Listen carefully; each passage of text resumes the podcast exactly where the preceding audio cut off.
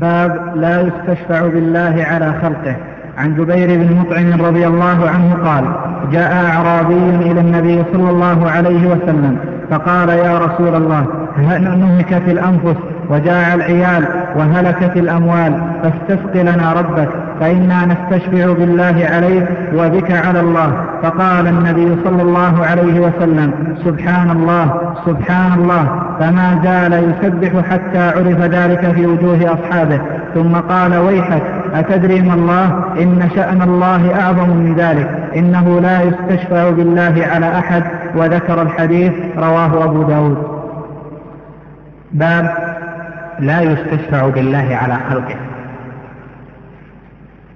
لا يستشفع يعني لا يجعل الله شفيعا على الخلق لأن شأن الله جل وعلا أعظم وأجل من أن يستشفع به ويجعل واسطة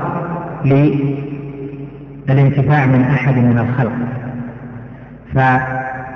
فالشفاعة المعروفة تأتي إلى أحد وتطلب أن يكون شفيعا عند آخر لأن ذلك الآخر هو الذي يملك ما تريد والنفع عنده وهذا يكون واسطة ولا يستطيع أن ينفعك هو بنفسه إلا بأن يتوسط. والله جل جلاله لا يجوز أن يظن به ذلك الظن لأنه ظن سوء بالله. جل جلاله. فالله سبحانه لا يصلح أن يجعل واسطة لأحد وإلى أحد من الخلق أو على أحد من الخلق بل هو جل وعلا الذي يملك الأمور جميعا. والاستشفاع بالله على الخلق يعني أن يجعل الله واسطة يتوسط العبد بربه على أحد من الخلق هذا مناف لكمال التوحيد وعمل وقول من الأقوال المنافية لتعظيم الله جل وعلا التعظيم الواجب. ولهذا لما ذكر الشيخ رحمه الله حديث جبير بن مطعم كان الشاهد منه أنه قال الأعرابي للنبي عليه الصلاة والسلام فاستسق لنا ربك فإننا نستشفع بالله عليك وبك على الله. يعني نستشفع بالله نجعل الله جل وعلا واسطة يتوسط لنا عندك حتى تدعو. والله جل وعلا هو الملك الحي القيوم الملك الحق المبين الذي نواصي العباد بيديه يصرفها كيف يشاء. شأن الله أعظم من أن يستشفع به على أحد من خلقه.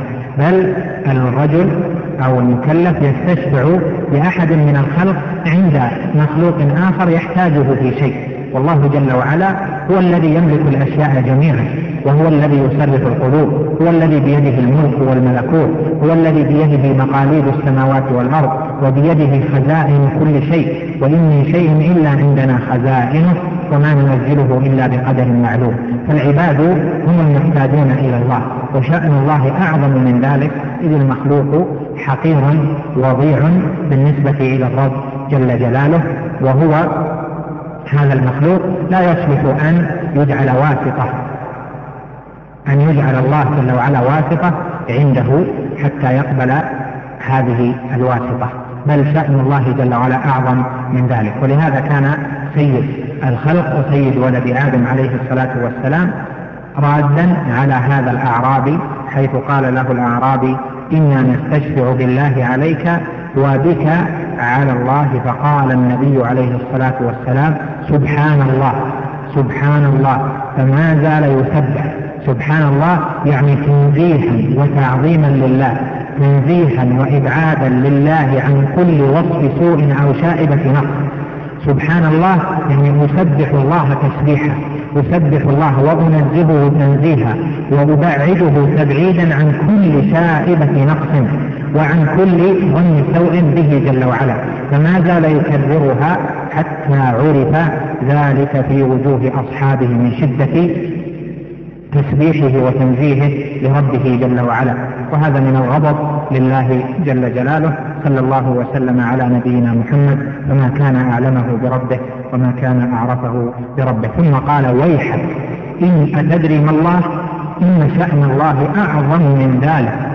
إنه لا يستشفع بالله على أحد فالله جل وعلا من علم أسماءه وعلم الصفات المستحقة له جل وعلا فإنه لن يدور بخاطره ومن سوء به جل وعلا أو استنقاص له جل وعلا.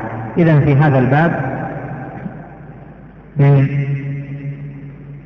هذا الباب فيه كما في الأبواب قبله ما يتحرز به الموحد من الألفاظ التي فيها سوء ظن بالله جل وعلا وتنقص بمقام الربوبية